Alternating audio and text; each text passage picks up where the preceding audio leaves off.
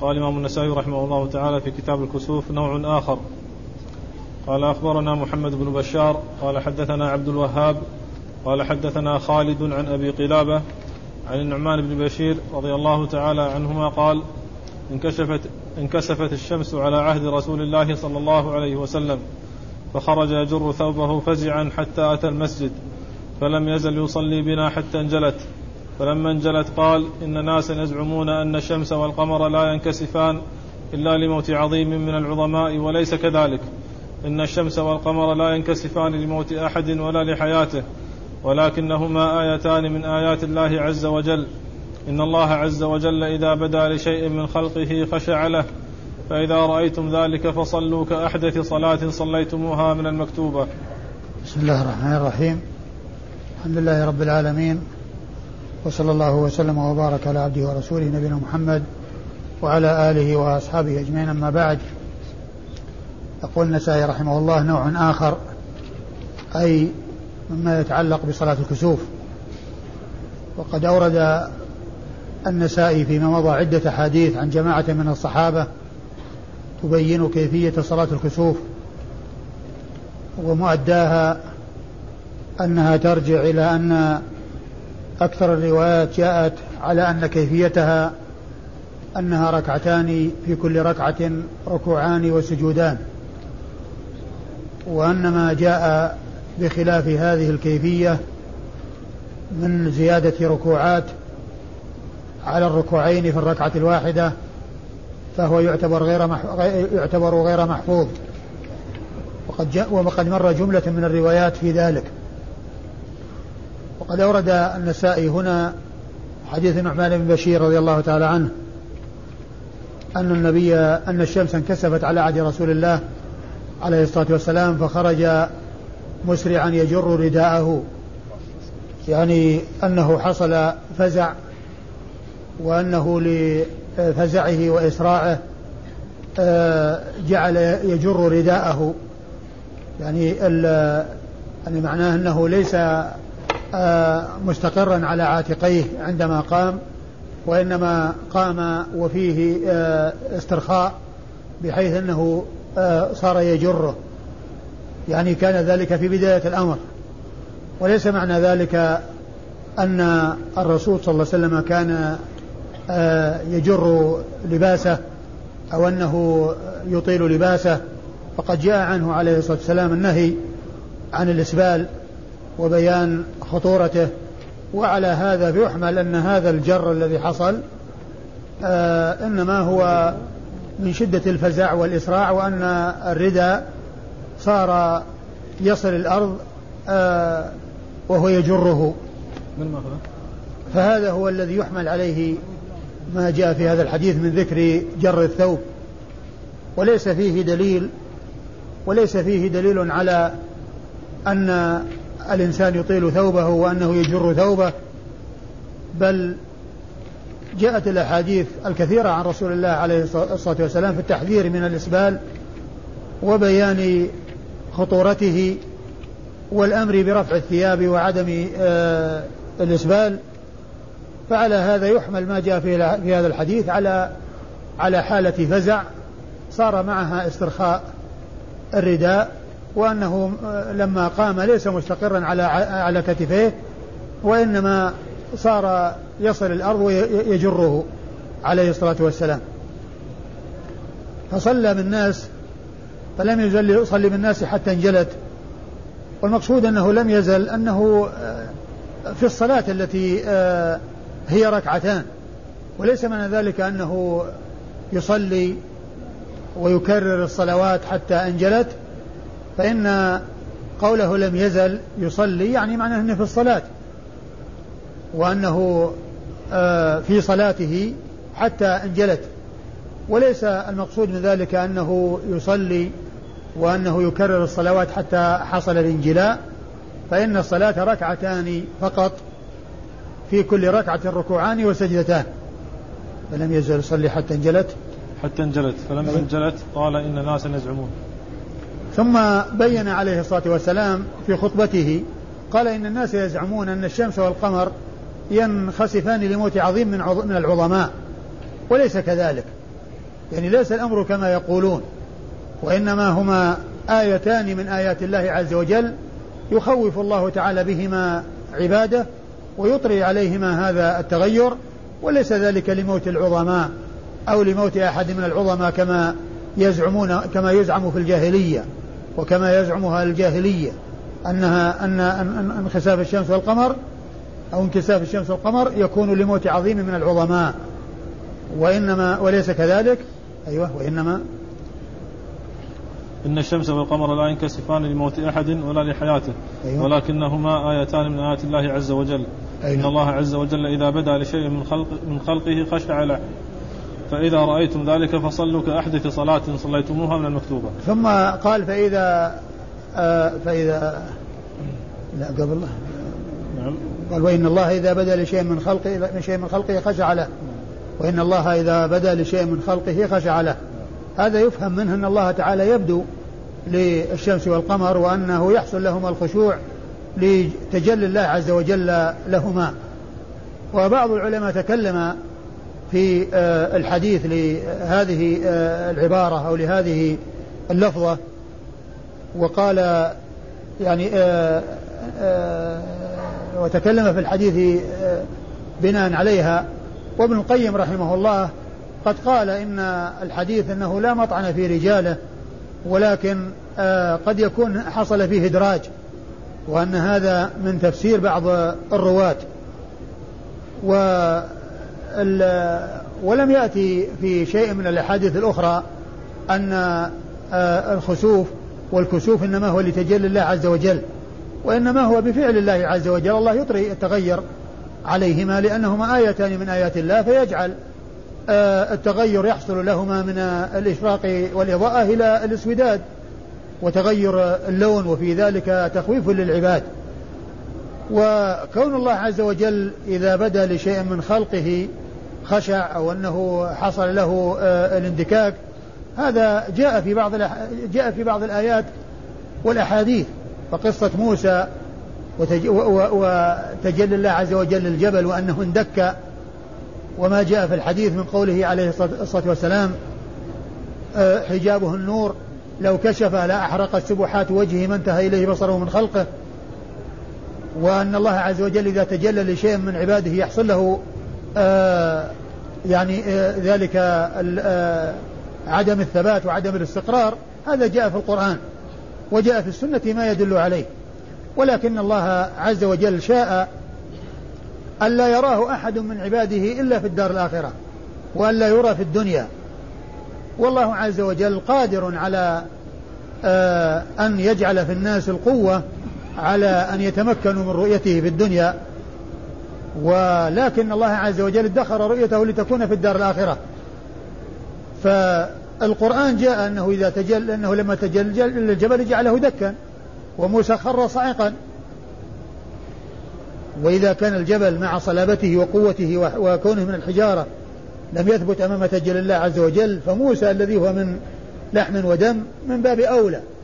وهذا إنما هو في الدنيا وأما في الآخرة فإن الله تعالى يقدر العباد على أن يروه لأن أجسامهم في الدنيا خلقت للفناء وأما الأجساد في الآخرة فإنها تخلق للبقاء فيتمكنون ويقدرون على رؤية الله عز وجل حيث يقدرهم الله عز وجل.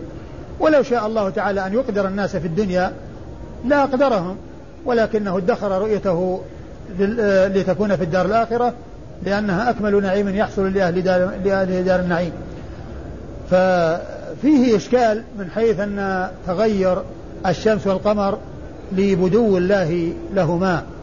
والله عز وجل على كل شيء قدير. إذا بدأ للشيء آآ آآ يصيبه ما يصيبه من الضعف وعدم القوة. مثل ما حصل للجبل كما جاء في القرآن وأنه اندك وصار دكا وانهال ولم يثبت أمام تجلي الله عز وجل. لكن هذا فيه إشكال من حيث أن الخسوف والكسوف سببه تجلي الله عز وجل أو بدو الله عز وجل للشمس والقمر. أيوة. فإذا رأيتم؟ فإذا رأيتم ذلك فصلوا كأحدث صلاة صليتموها من المكتوبة. فإذا رأيتموها رأيتم الكسوف فصلوا كأحدث صلاة صليتموها من المكتوبة. وهذا فيه إشكال. من ناحية أن النبي عليه الصلاة والسلام صلى صلاة الكسوف على غير هيئة المكتوبة وصلىها ركعتين فقط ولم يصلها أكثر من ذلك. ومن المعلوم أن المكتوبة فيها آه، ركعتان وفيها ثلاث وفيها أربع. ومعنى الحديث أنها تصلى كأحدث صلاة صلوها. إذا كان حصل الكسوف في الضحى في الضحى يعني معناه يصلونها على وفق الفجر لأنها أحدث صلاة صلوها مكتوبة. وإذا كان بعد الظهر تصير أربع وإذا صار بعد العصر تكون أربع وإذا صار بعد المغرب تصير ثلاث وإذا صار بعد العشاء تصير أربع. هذا هو معنى الحديث.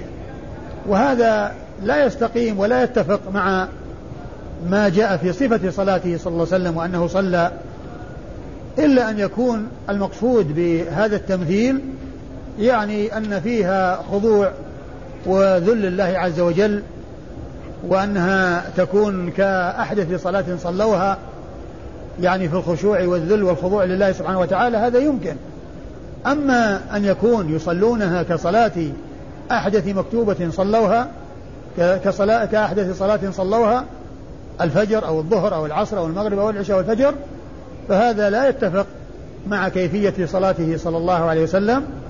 فإذا صح الحديث فيحمل على أن أحدث صلاة مكتوبة يعني في آه، الخشوع والخضوع لله سبحانه وتعالى والإقبال عليه والخوف منه ورجائه لا أنها تكون على هيئة الصلاة المتقدمة التي سبقتها أو التي جاءت قبل حصول الكسوف ظهرا فجرا أو ظهرا أو عصرا أو مغربا أو عشاء.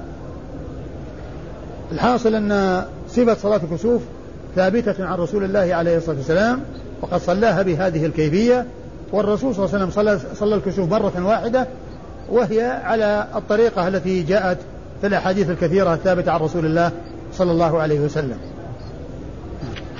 إسناد؟ أخبرنا محمد بن بشار. آه يقولنا سيخبرنا محمد بن بشار. محمد بن بشار هو الملقب بن دار البصري. وهو ثقة أخرج حديثه أصحاب الكتب الستة. ثقة أخرج حديثه أصحاب الكتب الستة بل هو شيخ لأصحاب الكتب الستة. روى عنه مباشرة وبدون واسطة. ومثله محمد بن مثنى ويعقوب بن إبراهيم الدورقي. فهؤلاء شيوخ لأصحاب الكتب الستة روى عنهم مباشرة وبدون واسطة. عن عبد الوهاب. نعم. عبد الوهاب وهو بن عبد المجيد الثقفي البصري وهو ثقة أخرج حديثه أصحاب الكتب الستة. عن حدثنا خالد. حدثنا خالد وهو ابن مهران البصري الملقب الحذاء وهو ثقة يرسل وحديثه أخرجه أصحاب الكتب الستة والحذاء لقب والأصل أن الحذاء الذي يتبادر إلى الذهن أنه الذي يصنع الأحذية أو يبيع الأحذية. إما يصنعها أو يبيعها. و يعني آه، أخص الاثنين أنه يبيع أنه يصنعها. الحذاء الذي يصنع الأحذية. وقد يقال للبائع لبائعها أنه حذاء لكن النسبة نسبة خالد هذا ليست لا إلى صنع الأحذية ولا إلى بيعها. بل هي إلى شيء إلى ما لا إلى إلى غير ما يتبادر إلى الذهن. إلى غير ما يتبادر إلى الذهن. وذلك أنه كان يجلس إلى الحذائين. كان يجلس إلى الحذائين فنسب إليهم. كان يجلس عند الحذائين الذين يصنعون الأحذية فنسب وقيل له الحذاء. وقيل إنه كان من أجل أنه كان يقول الحذاء احذو على كذا. يعني آه، اعمل الحذاء على نحو كذا. فقيل له الحذاء لأنه يقول للحذائين احذو على كذا احذو على كذا. فهي نسبة إلى غير ما يسبق إلى الذهن. نسبة إلى غير ما يسبق إلى الذهن. وهو حديثه عند عند أصحاب الكتب الستة. عن أبي قلابة. نعم. عن أبي قلابة هو عبد الله بن زيد الجرمي. عبد الله بن زيد الجرمي. وهو ثقة يرسل وحديثه أخرجه أصحاب الكتب الستة. يروي عن النعمان بن بشير. والنعمان بن بشير هو صاحب رسول الله عليه الصلاة والسلام صحابي ابن صحابي. وهو من صغار الصحابة. توفي رسول الله عليه الصلاة والسلام وعمره ثمان سنوات. توفي رسول الله عليه الصلاة والسلام وعمره ثمان سنوات. وقد روى عن رسول الله عليه الصلاة والسلام وسمع منه وصرح بالسماع لبعض الأحاديث من رسول الله عليه الصلاة والسلام. مثل حديث الحلال بين والحرام بين وبينهما أمور مشتبهات حديث مشهور متفق على صحته. وقال فيه النعمان سمعت رسول الله صلى الله عليه وسلم يقول كذا وقد توفي رسول الله عليه الصلاة والسلام وعمره ثمان سنوات فهو مما تحمله في صغره وأداه في كبره.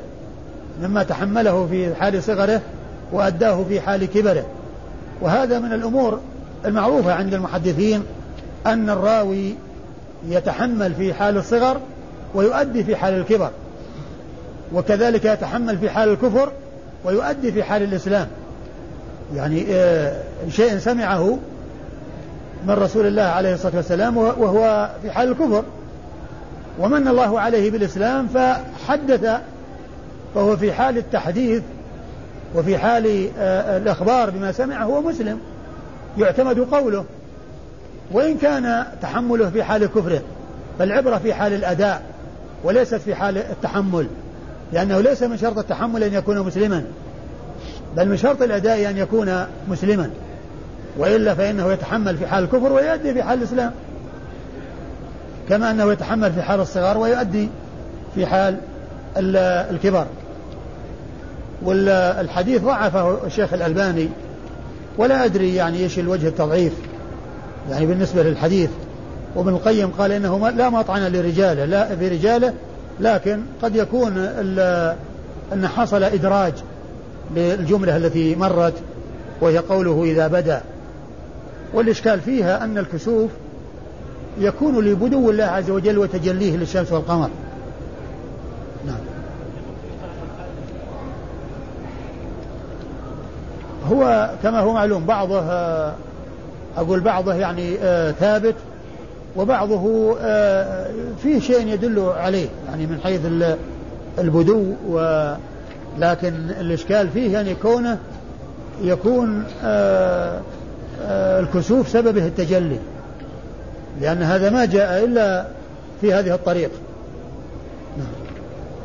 ثم قال رحمه الله تعالى وأخبرنا إبراهيم بن يعقوب قال حدثنا عمرو بن عاصم أن جده عبيد الله بن الوازع حدثه حديثا قال حدثنا أيوب السختياني عن أبي قلابة عن قبيصة بن مخارق الهلالي رضي الله تعالى عنه قال كسفت الشمس ونحن إذ ذاك مع رسول الله صلى الله عليه وسلم بالمدينة فخرج فخرج فزعا يجر ثوبه فصلى ركعتين أطالهما فوافق انصرافه انجلاء الشمس. فحمد الله وأثنى عليه ثم قال إن الشمس والقمر آيتان من آيات الله وإنهما لا ينكسفان لموت أحد ولا لحياته. فإذا رأيتم من ذلك شيئا فصلوا فصلوا كأحدث صلاة مكتوبة صليتموها. ثم ورد النسائي حديث آه حديث قبيصة ابن مخارق الهلالي. الهلالي. قبيصة بن المخارق الهلالي رضي الله تعالى عنه أنه قال كسفت الشمس ونحن مع رسول الله عليه الصلاة والسلام فصلى بالناس ركعتين أطال فيهما القراءة. أطال فيهما القراءة ثم قال إن الشمس والقمر آيتان من آيات الله لا ينخسفان لموت أحد ولا لحياته فإذا رأيتم ذلك فافزعوا فصلوا كأحدث صلاة مكتوبة. كأحدث صلاة مكتوبة؟ نعم فصلوا كأحدث صلاة مكتوبة صليتموها. كأحدث صلاة مكتوبة صليتموها. وهذا الحديث من طريق قبيصة المخارق ابن المخارق الهلالي رضي الله تعالى عنه. فيه أيضا بيان كيفية صلاة الكسوف وأنها ركعتان. وأنها ركعتان وأن الرسول صلى الله عليه وسلم صلى ركعتين. وأنه صلى بهم ركعتين. وقال إن الشمس والقمر آيتان من آيات الله لا ينخسفان لموت أحد ولا لحياته فإذا رأيتم ذلك فصلوا كأحدث صلاة مكتوبة صليتموها. وهذا هو الذي فيه الإشكال الذي هو كون أحد الصلاة. لأن النبي صلى الله عليه وسلم صلى ركعتين. صلى ركعتين وعلى هيئة خاصة تختلف عن بقية الصلوات. تختلف عن بقية الصلوات لأن فيها ركوعان في الركعة الواحدة. وقوله كأحدث صلاة صليتموها إذا كان المقصود بذلك يعني في الخشوع والخضوع والذل والتضرع إلى الله عز وجل فيستقيم ولا إشكال. وإلا ففيه مخالفة للهيئة التي فعلها رسول الله عليه الصلاة والسلام والتي آه، جاءت في الطرق الكثيرة المبينة لصلاته صلى الله عليه وسلم وأنها ركعتان في كل ركعة ركوعان. الإسناد يقول أخبرنا إبراهيم بن يعقوب. أخبرنا إبراهيم بن يعقوب هو الجوزجاني وهو ثقة حافظ أخرج حديثه مسلم والترمذي والنسائي. أبو داود والترمذي والنسائي. أبو داود والترمذي والنسائي. أبو داود والترمذي والنسائي. عن؟ عن عمرو بن عاصم. عن عمرو بن عاصم. إيش قال فيه؟ الكلابي البصري وهو صدوق الكلابي البصري صدوق في حفظه شيء. صدوق في حفظه شيء أخرج له؟ أصحاب الكتب الستة. صدوق في حفظه شيء أخرج حديثه أصحاب الكتب الستة. عمرو بن عاصم الكلابي البصري. أيوه. عن جد أن جده عبيد الله بن الوازع. أن جده عبيد الله بن الوازع وهذا قال عنه الحافظ في التقريب أنه مجهول وأخرج حديثه الترمذي والنسائي. قال حدثنا أيوب السختياني. قال حدثنا أيوب وهو من أبي تميمة السختياني ثقة أخرج حديثه أصحاب الكتب الستة. عن أبي قلابة. عن أبي قلابة وقد مر ذكره عن قبيصة بن المخارق الهلالي صاحب رسول الله صلى الله عليه وسلم وحديثه أخرجه مسلم وأبو داود والنسائي. مسلم وأبو داود والنسائي والحديث أيضا مما ضعفه الألباني. يعني هذا الحديث مما ضعفه الألباني ولا إشكال فيه. إلا فيما يتعلق بأحدث صلاة مكتوبة نعم. ثم قال رحمه الله تعالى أخبرنا محمد بن المثنى قال حدثنا معاذ وهو ابن هشام قال حدثني أبي عن قتادة عن أبي قلابة عن قبيصة الهلالي رضي الله تعالى عنه أن الشمس انخسفت فصلى نبي الله صلى الله عليه وسلم ركعتين ركعتين حتى انجلت ثم قال إن الشمس والقمر لا ينخسفان لموت أحد ولكنهما خلقان من خلقه وإن الله عز وجل يحدث في خلقه ما شاء وإن الله عز وجل إذا تجلى لشيء من خلقه يخشع له فأيهما حدث فصلوا حتى ينجلي أو يحدث الله أمرا. ثم ورد النسائي حديث آه، قبيصة بن المخارق الهلالي من طريق أخرى وهي مثل الأولى إلا أنه قال ركعتين ركعتين. أنه ركعتين ركعتين الطريقة آه، السابقة ركعتين.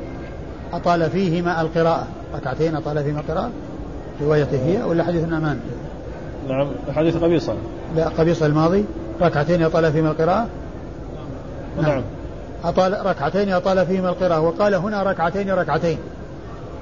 فذكر الركعتين ركعتين فيه إشكال لأن الرسول صلى الله عليه وسلم ما صلى صلاة الكسوف إلا ركعتين. لكن يمكن أن يحمل على أن أنها ركوعان ركوعان يعني في الركعتين.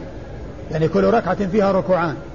ركعتين ركعتين يعني ركوعان ركوعان يعني هذا هو الشيء الجديد الذي تختلف فيه صلاة الكسوف عن غيرها من الصلوات. أيوة.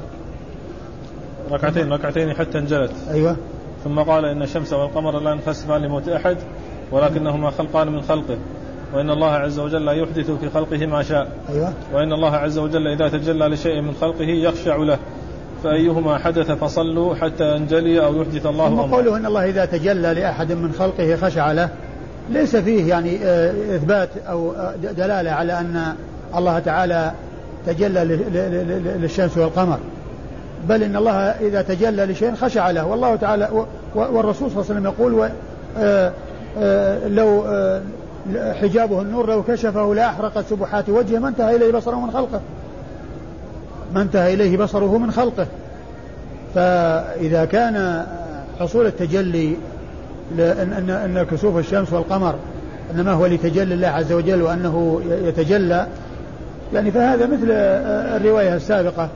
يعني في إذا بدا لشيء من خلقه آه، حصل له ما حصل. أيوه فإذا فأيهما حدث فصلوا حتى ينجلي أو يحدث الله أمرا. آه، فإذا فإذا حدث؟ فإذا حدث؟ فأيهما حدث؟ فأيهما حدث أي الكسوف والخسوف فصلوا حتى يتجلى أو يحدث الله من أمره. أو يحدث الله؟ أو يحدث الله أمرا. أو يحدث الله أمرا. نعم. أخبرنا محمد بن المثنى. أخبرنا محمد بن المثنى هو الزمن الملقب الزمن كنيته أبو موسى العنزي البصري وهو ثقة أخرج له أصحاب الكتب الستة وهو شيخ لأصحاب الكتب الستة. شيخ لأصحاب الكتب الستة مثل محمد بن بشار ويعقوب بن إبراهيم الدورقي. هؤلاء الثلاثة شيوخ لأصحاب الكتب الستة جميعا روى عنهم أصحاب الكتب الستة مباشرة وبدون واسطة. عن؟ معاذ وهو ابن هشام. عن معاذ وهو ابن هشام الدستوائي. هشام بن أبي عبد الله الدستوائي. وهو صدوق. نعم صدوق ربما صدوق ربما وهم وحديثه عند أصحاب الكتب الستة. عن قال حدثني أبي. حدثني أبي وهو هشام بن أبي عبد الله الدستوائي وهو ثقة. حديثه عند أصحاب الكتب الستة. عن قتادة. عن قتادة بن دعامة السدوسي البصري ثقة. حديثه عند أصحاب الكتب الستة. عن أبي قلابة عن قبيصة. عن أبي قلابة عن قبيصة وقد مر والحديث أيضا مما ضعفه الألباني. وقال رحمه الله تعالى أخبرنا محمد بن المثنى عن معاذ بن هشام قال حدثني أبي عن قتادة عن أبي قلابة عن النعمان بن بشير رضي الله تعالى عنهما أن النبي صلى الله عليه وسلم قال إذا خسفت الشمس والقمر فصلوا كأحدث صلاة صليتموها. ثم أورد النسائي حديث النعمان بن بشير وهو مختصر إذا خسف الشمس والقمر فصلوا كأحدث صلاة صليتموها. وهذا كما قلت يعني كقوله كأحدث صلاة صليتموها يعني فيه الإشكال الذي أشرت إليه من حيث أنها تصلى على صفة الصلاة التي سبقتها من الفرائض. نعم. الإسناد؟ الإسناد تقدم. محمد المثنى. محمد المثنى. معاذ بن ومعاذ وأبوه. وقتادة وأبي قلابة. وقتادة وأبي قلابة. وقد مر ذكرهم. عن النعمان بن بشير يعني الرواية السابقة عن أبي قلابة عن القبيصة وهذه عن عن أبي قلابة عن النعمان بن بشير. أيوة. وقال رحمه وهذا أيضا ضعفه الألباني. نعم. وقال رحمه الله تعالى أخبرنا أحمد بن عثمان بن حكيم قال حدثنا أبو نعيم عن الحسن بن صالح عن عاصم الأحول عن أبي قلابة عن النعمان بن بشير رضي الله تعالى عنهما أن رسول الله صلى الله عليه وسلم صلى حين انكسفت الشمس مثل صلاتنا يركع ويسجد. ثم أورد النسائي حديث النعمان بن بشير رضي الله عنه أن النبي عليه الصلاة والسلام صلى حين انكسفت الشمس صلى مثل صلاتنا يركع ويسجد. يعني إن كان المقصود بمثل صلاتهم أي المفروضة فهو لم يصلي مثل مثل المفروضة. وإن كان المقصود أن صلاة الكسوف مشتملة على ركوع وسجود فكذلك هي مشتملة على ركوع وسجود هي ليست مجرد قيام مثل صلاة الجنازة وإنما هي ركوع وسجود لكن آه الركوع على هيئة تختلف. فيها صلاة الكسوف عن غيرها من حيث العدد. والسجود والركوع يختلف من حيث الإطالة. من حيث الإطالة. فإن الركوع يطال والسجود يطال والقراءة تطال.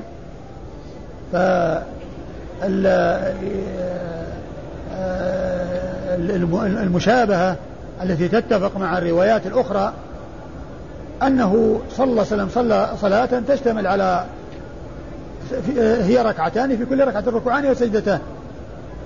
يعني مثل صلاتنا يركع ويسجد. يعني أنها تشبه الصلاة في الركوع والسجود. أما إن أريد أنها أو أن, أن, أن أنها مثل اللي قبلها كأحدث صلاة مكتوبة. فهذا فيه إشكال. وأيضا الحديث هذا ضعف مما ضعفه الألباني. نعم. أخبرنا أحمد بن عثمان بن حكيم. آه، أخبرنا أحمد بن عثمان بن حكيم الكوفي وهو ثقة. نعم ثقة أخرجه البخاري ومسلم والنسائي وابن ماجه. ثقة أخرجه البخاري ومسلم والنسائي وابن ماجه. عن؟ قال حدثنا أبو نعيم. قال حدثنا أبو نعيم وهو الفضل بن دكين. الكوفي وهو ثقة أخرج حديثه أصحاب الكتب الستة وهو مشهور بكنيته أبو نعيم وهو من طبقة شيوخ البخاري وهو من كبار شيوخ البخاري وأما النسائي فهو يروي عنه بواسطة يروي عنه بواسطة ومشهور بكنيته أبو نعيم وممن اشتهر بأبي نعيم شخص متأخر وهو صاحب الحلية وصاحب معرفة الصحابة مؤلف مصنف مشهور. أبو نعيم الإصفهاني. وكانت وفاته سنة 430 يعني في أوائل القرن الخامس الهجري مشهور بأبي نعيم وهذا مشهور بأبي نعيم. والإنسان لا يستطيع أن يعرف الرجال إلا يتصور يعني أزمانهم وطبقاتهم وإلا فإنه لا يميز بين المتقدم والمتأخر. عن الحسن بن صالح. عن الحسن بن صالح بن حي. الحسن بن صالح بن حي وهو ثقة أخرج له البخاري في الأدب المفرد ومسلم وأصحاب السنة الأربعة. عن عاصم الأحول. عن عاصم الأحول هو عاصم بن سليمان الأحول وهو ثقة أخرج له أصحاب الكتب الستة. عن أبي قلابة عن النعمان. عن أبي قلابة عن النعمان وقد مر ذكرهما. وقال رحمه الله تعالى أخبرنا محمد بن بشار قال حدثنا معاذ بن هشام قال حدثني أبي عن قتادة عن الحسن عن النعمان بن بشير رضي الله تعالى عنهما عن النبي صلى الله عليه وسلم أنه خرج يوما مستعجلا إلى المسجد وقد انكسفت الشمس فصلى حتى انجلت ثم قال إن أهل الجاهلية كانوا يقولون إن الشمس والقمر لا ينخسفان إلا لموت عظيم من عظماء أهل الأرض وإن الشمس والقمر لا ينخسفان لموت أحد ولا لحياته ولكنهما ولكنهما خليقتان من خلقه ولكنهما خليقتان من خلقه يحدث الله في خلقه ما يشاء فأيهما انخسف فصلوا حتى ينجلي أو يحدث الله أمرا. ثم أورد النسائي حديث النعمان بن بشير من طريق أخرى وهو مثل مثل ما تقدم الرسول صلى بالناس حتى حصل الانجلاء ثم خطب الناس وقال إن الشمس والقمر أن أن أن أن أن, أن أهل الجاهلية. نعم قال إن أهل الجاهلية إن أهل الجاهلية يقولون أنها أن أن أن أن أن, أن الخسوف والكسوف لموت عظيم. وإن الشمس والقمر آيتان من آيات الله لا ينخسفان لموت أحد ولا لحياته. فإذا رأيتم رأيتموهما فصلوا. فأيهما انخسف فصلوا حتى ينجلي أو يحدث الله أمرا. حتى ينجلي أو يحدث الله أمرا. وهذا الحديث أيضا مما تكلم فيه ال ال مما ضعفه الألباني. أيوه. أخبرنا محمد بن بشار. محمد بن بشار مر ذكره. قال حدثنا معاذ بن هشام. وكذلك مر ذكره. قال حدثني أبي عن قتادة عن الحسن. وهؤلاء مر ذكرهم والحسن هو ابن أبي الحسن البصري. ثقة فقيه يرسل ويدلس وحديثه أخرجه أصحاب الكتب الستة وقد مر ذكره في أحاديث الكسوف. عن, عن النعمان. عن النعمان بن بشير وقد مر ذكره.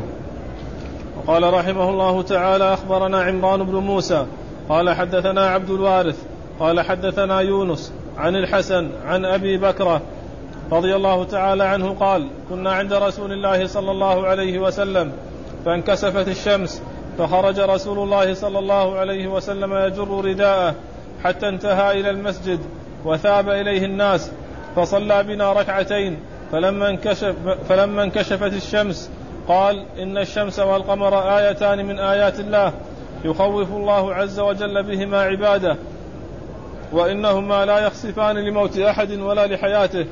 فإذا رأيتم ذلك فصلوا حتى يكشف ما بكم. وذلك أن ابنا له مات يقال له إبراهيم فقال له ناس في ذلك. ثم أورد النسائي حديث أبي بكرة رضي الله عنه وهو مشتمل على صفة صلاة الكسوف وعلى بيان خطبته وفيه زيادة وهي أن ذلك اليوم الذي انكسفت فيه الشمس كان يوم موت ابنه إبراهيم. والنبي عليه الصلاة والسلام بين لهم أن الشمس والقمر لا ينخسفان لموت أحد ولا لحياته. فلا يظن أن حصول الكسوف لموت إبراهيم كما هي العادة عند أهل الجاهلية. أو ما يفهمه ويعتقده أهل الجاهلية. بل هما آيتان من آيات الله والله تعالى يجري عليهما هذا التغيير في أي وقت شاء. وليس ذلك متعلقا بموت عظيم ولا بموت عظيم وإنما هو بأمر الله وقضائه وقدره وتدبيره لهذين المخلوقين من مخلوقاته وهاتين الآيتين من من آياته. وقال هما خليقتان من مخلوقات الله. يعني خليق هنا بمعنى بمعنى مخلوق. لأنه أحيانا يأتي فعيل بمعنى مفعول ويأتي فعيل بمعنى فاعل وبمعنى مفعل. فهنا فعيل بمعنى مفعول يعني خليق خليقتان يعني مخلوقتان من مخلوقات الله عز وجل. نعم. أخبرنا عمران بن موسى. أخبرنا عمران بن موسى. إيش قال عنه؟ القزاز البصري. أيوه. وأخرج له الترمذي بن ماجه درجة. مش هو ثقة ولا صدوق؟ صدوق. عمران بن موسى البصري صدوق أخرج له الترمذي والنسائي؟ الترمذي والنسائي بن ماجه. أخرج له الترمذي والنسائي وابن ماجه. أصحاب السنن الأربعة إلا إلا أبا داود. أيوه. آه، قال حدثنا عبد الوارث. حدثنا عبد الوارث بن سعيد. عبد الوارث بن سعيد البصري وهو ثقة أخرج حديثه أصحاب الكتب الستة. قال حدثنا يونس. حدثنا يونس بن عبيد البصري وهو ثقة ثبت أخرج حديثه أصحاب الكتب الستة. عن الحسن عن, عن الحسن بن أبي الحسن البصري وهو ثقة فقيه يرسل ويدلس وحديثه عند أصحاب الكتب الستة. عن أبي بكرة وهو نفيع بن الحارث صاحب رسول الله عليه الصلاة والسلام وحديثه عند أصحاب الكتب الستة. وقد مر ذكر يعني هذا الإسناد أو ذكر هذا الحديث حديث أبي بكرة من رواية من رواية الحسن من اللي قبل الحسن نعم. من رواية يونس ابن عبيد عن الحسن عن آه، أبي بكرة نعم. أشعث عن الحسن عن أبي بكرة أن رسول الله صلى الله عليه وسلم صلى ركعتين مثل صلاتكم مثل صلاتكم هذا وذكر كسوف الشمس ثم ذكر حديث آه، آه، أبي بكرة أبي بكرة رضي الله عنه من طريق أخرى وهو مختصر وأن النبي عليه الصلاة والسلام لما كسفت الشمس صلى ركعتين كصلاتكم هذا أو كصلاتكم هذه. آه لعل المقصود أن أنه يشير إلى صلاة كسوف صلوها. يعني أنهم صلوا صلاة كسوف على الهيئة التي فعلها رسول الله عليه الصلاة والسلام وأنه صلى كهذه الصلاة التي صلوها. أيوة. أخبرنا إسماعيل بن مسعود. أخبرنا إسماعيل بن مسعود هو أبو مسعود البصري ثقة أخرج حديثه النسائي وحده. قال حدثنا خالد. حدثنا خالد آه ابن الحارث البصري ثقة حديثه عند أصحاب الكتب الستة. عن أشعث. عن أشعث يحتمل أن يكون الحداني ويحتمل أن يكون الحمراني أشعث بن عبد الملك الحمراني وكل منهما حديثه محتج به وكل منهما خرج حديثه البخاري تعليقا وأصحاب السنن الأربعة. البخاري تعليقا وأصحاب السنن الأربعة. فسواء يكون هذا أو هذا ف آه، سواء يكون هذا أو هذا لا, لا إشكال ولا ولا محذور لأن الحديث كيفما دار فهو دائر على من يحتج بحديثه ومن يعول على حديثه. خالد بن الحارث عن عن عن أشعث. عن أشعث عن؟ عن الحسن عن أبي بكر. عن الحسن. أيوه. عن الحسن عن أبي بكر. عن الحسن عن أبي بكر وقد مر ذكرهما. والله تعالى أعلم وصلى الله وسلم وبارك على عبده ورسول نبينا محمد وعلى آله وأصحابه أجمعين.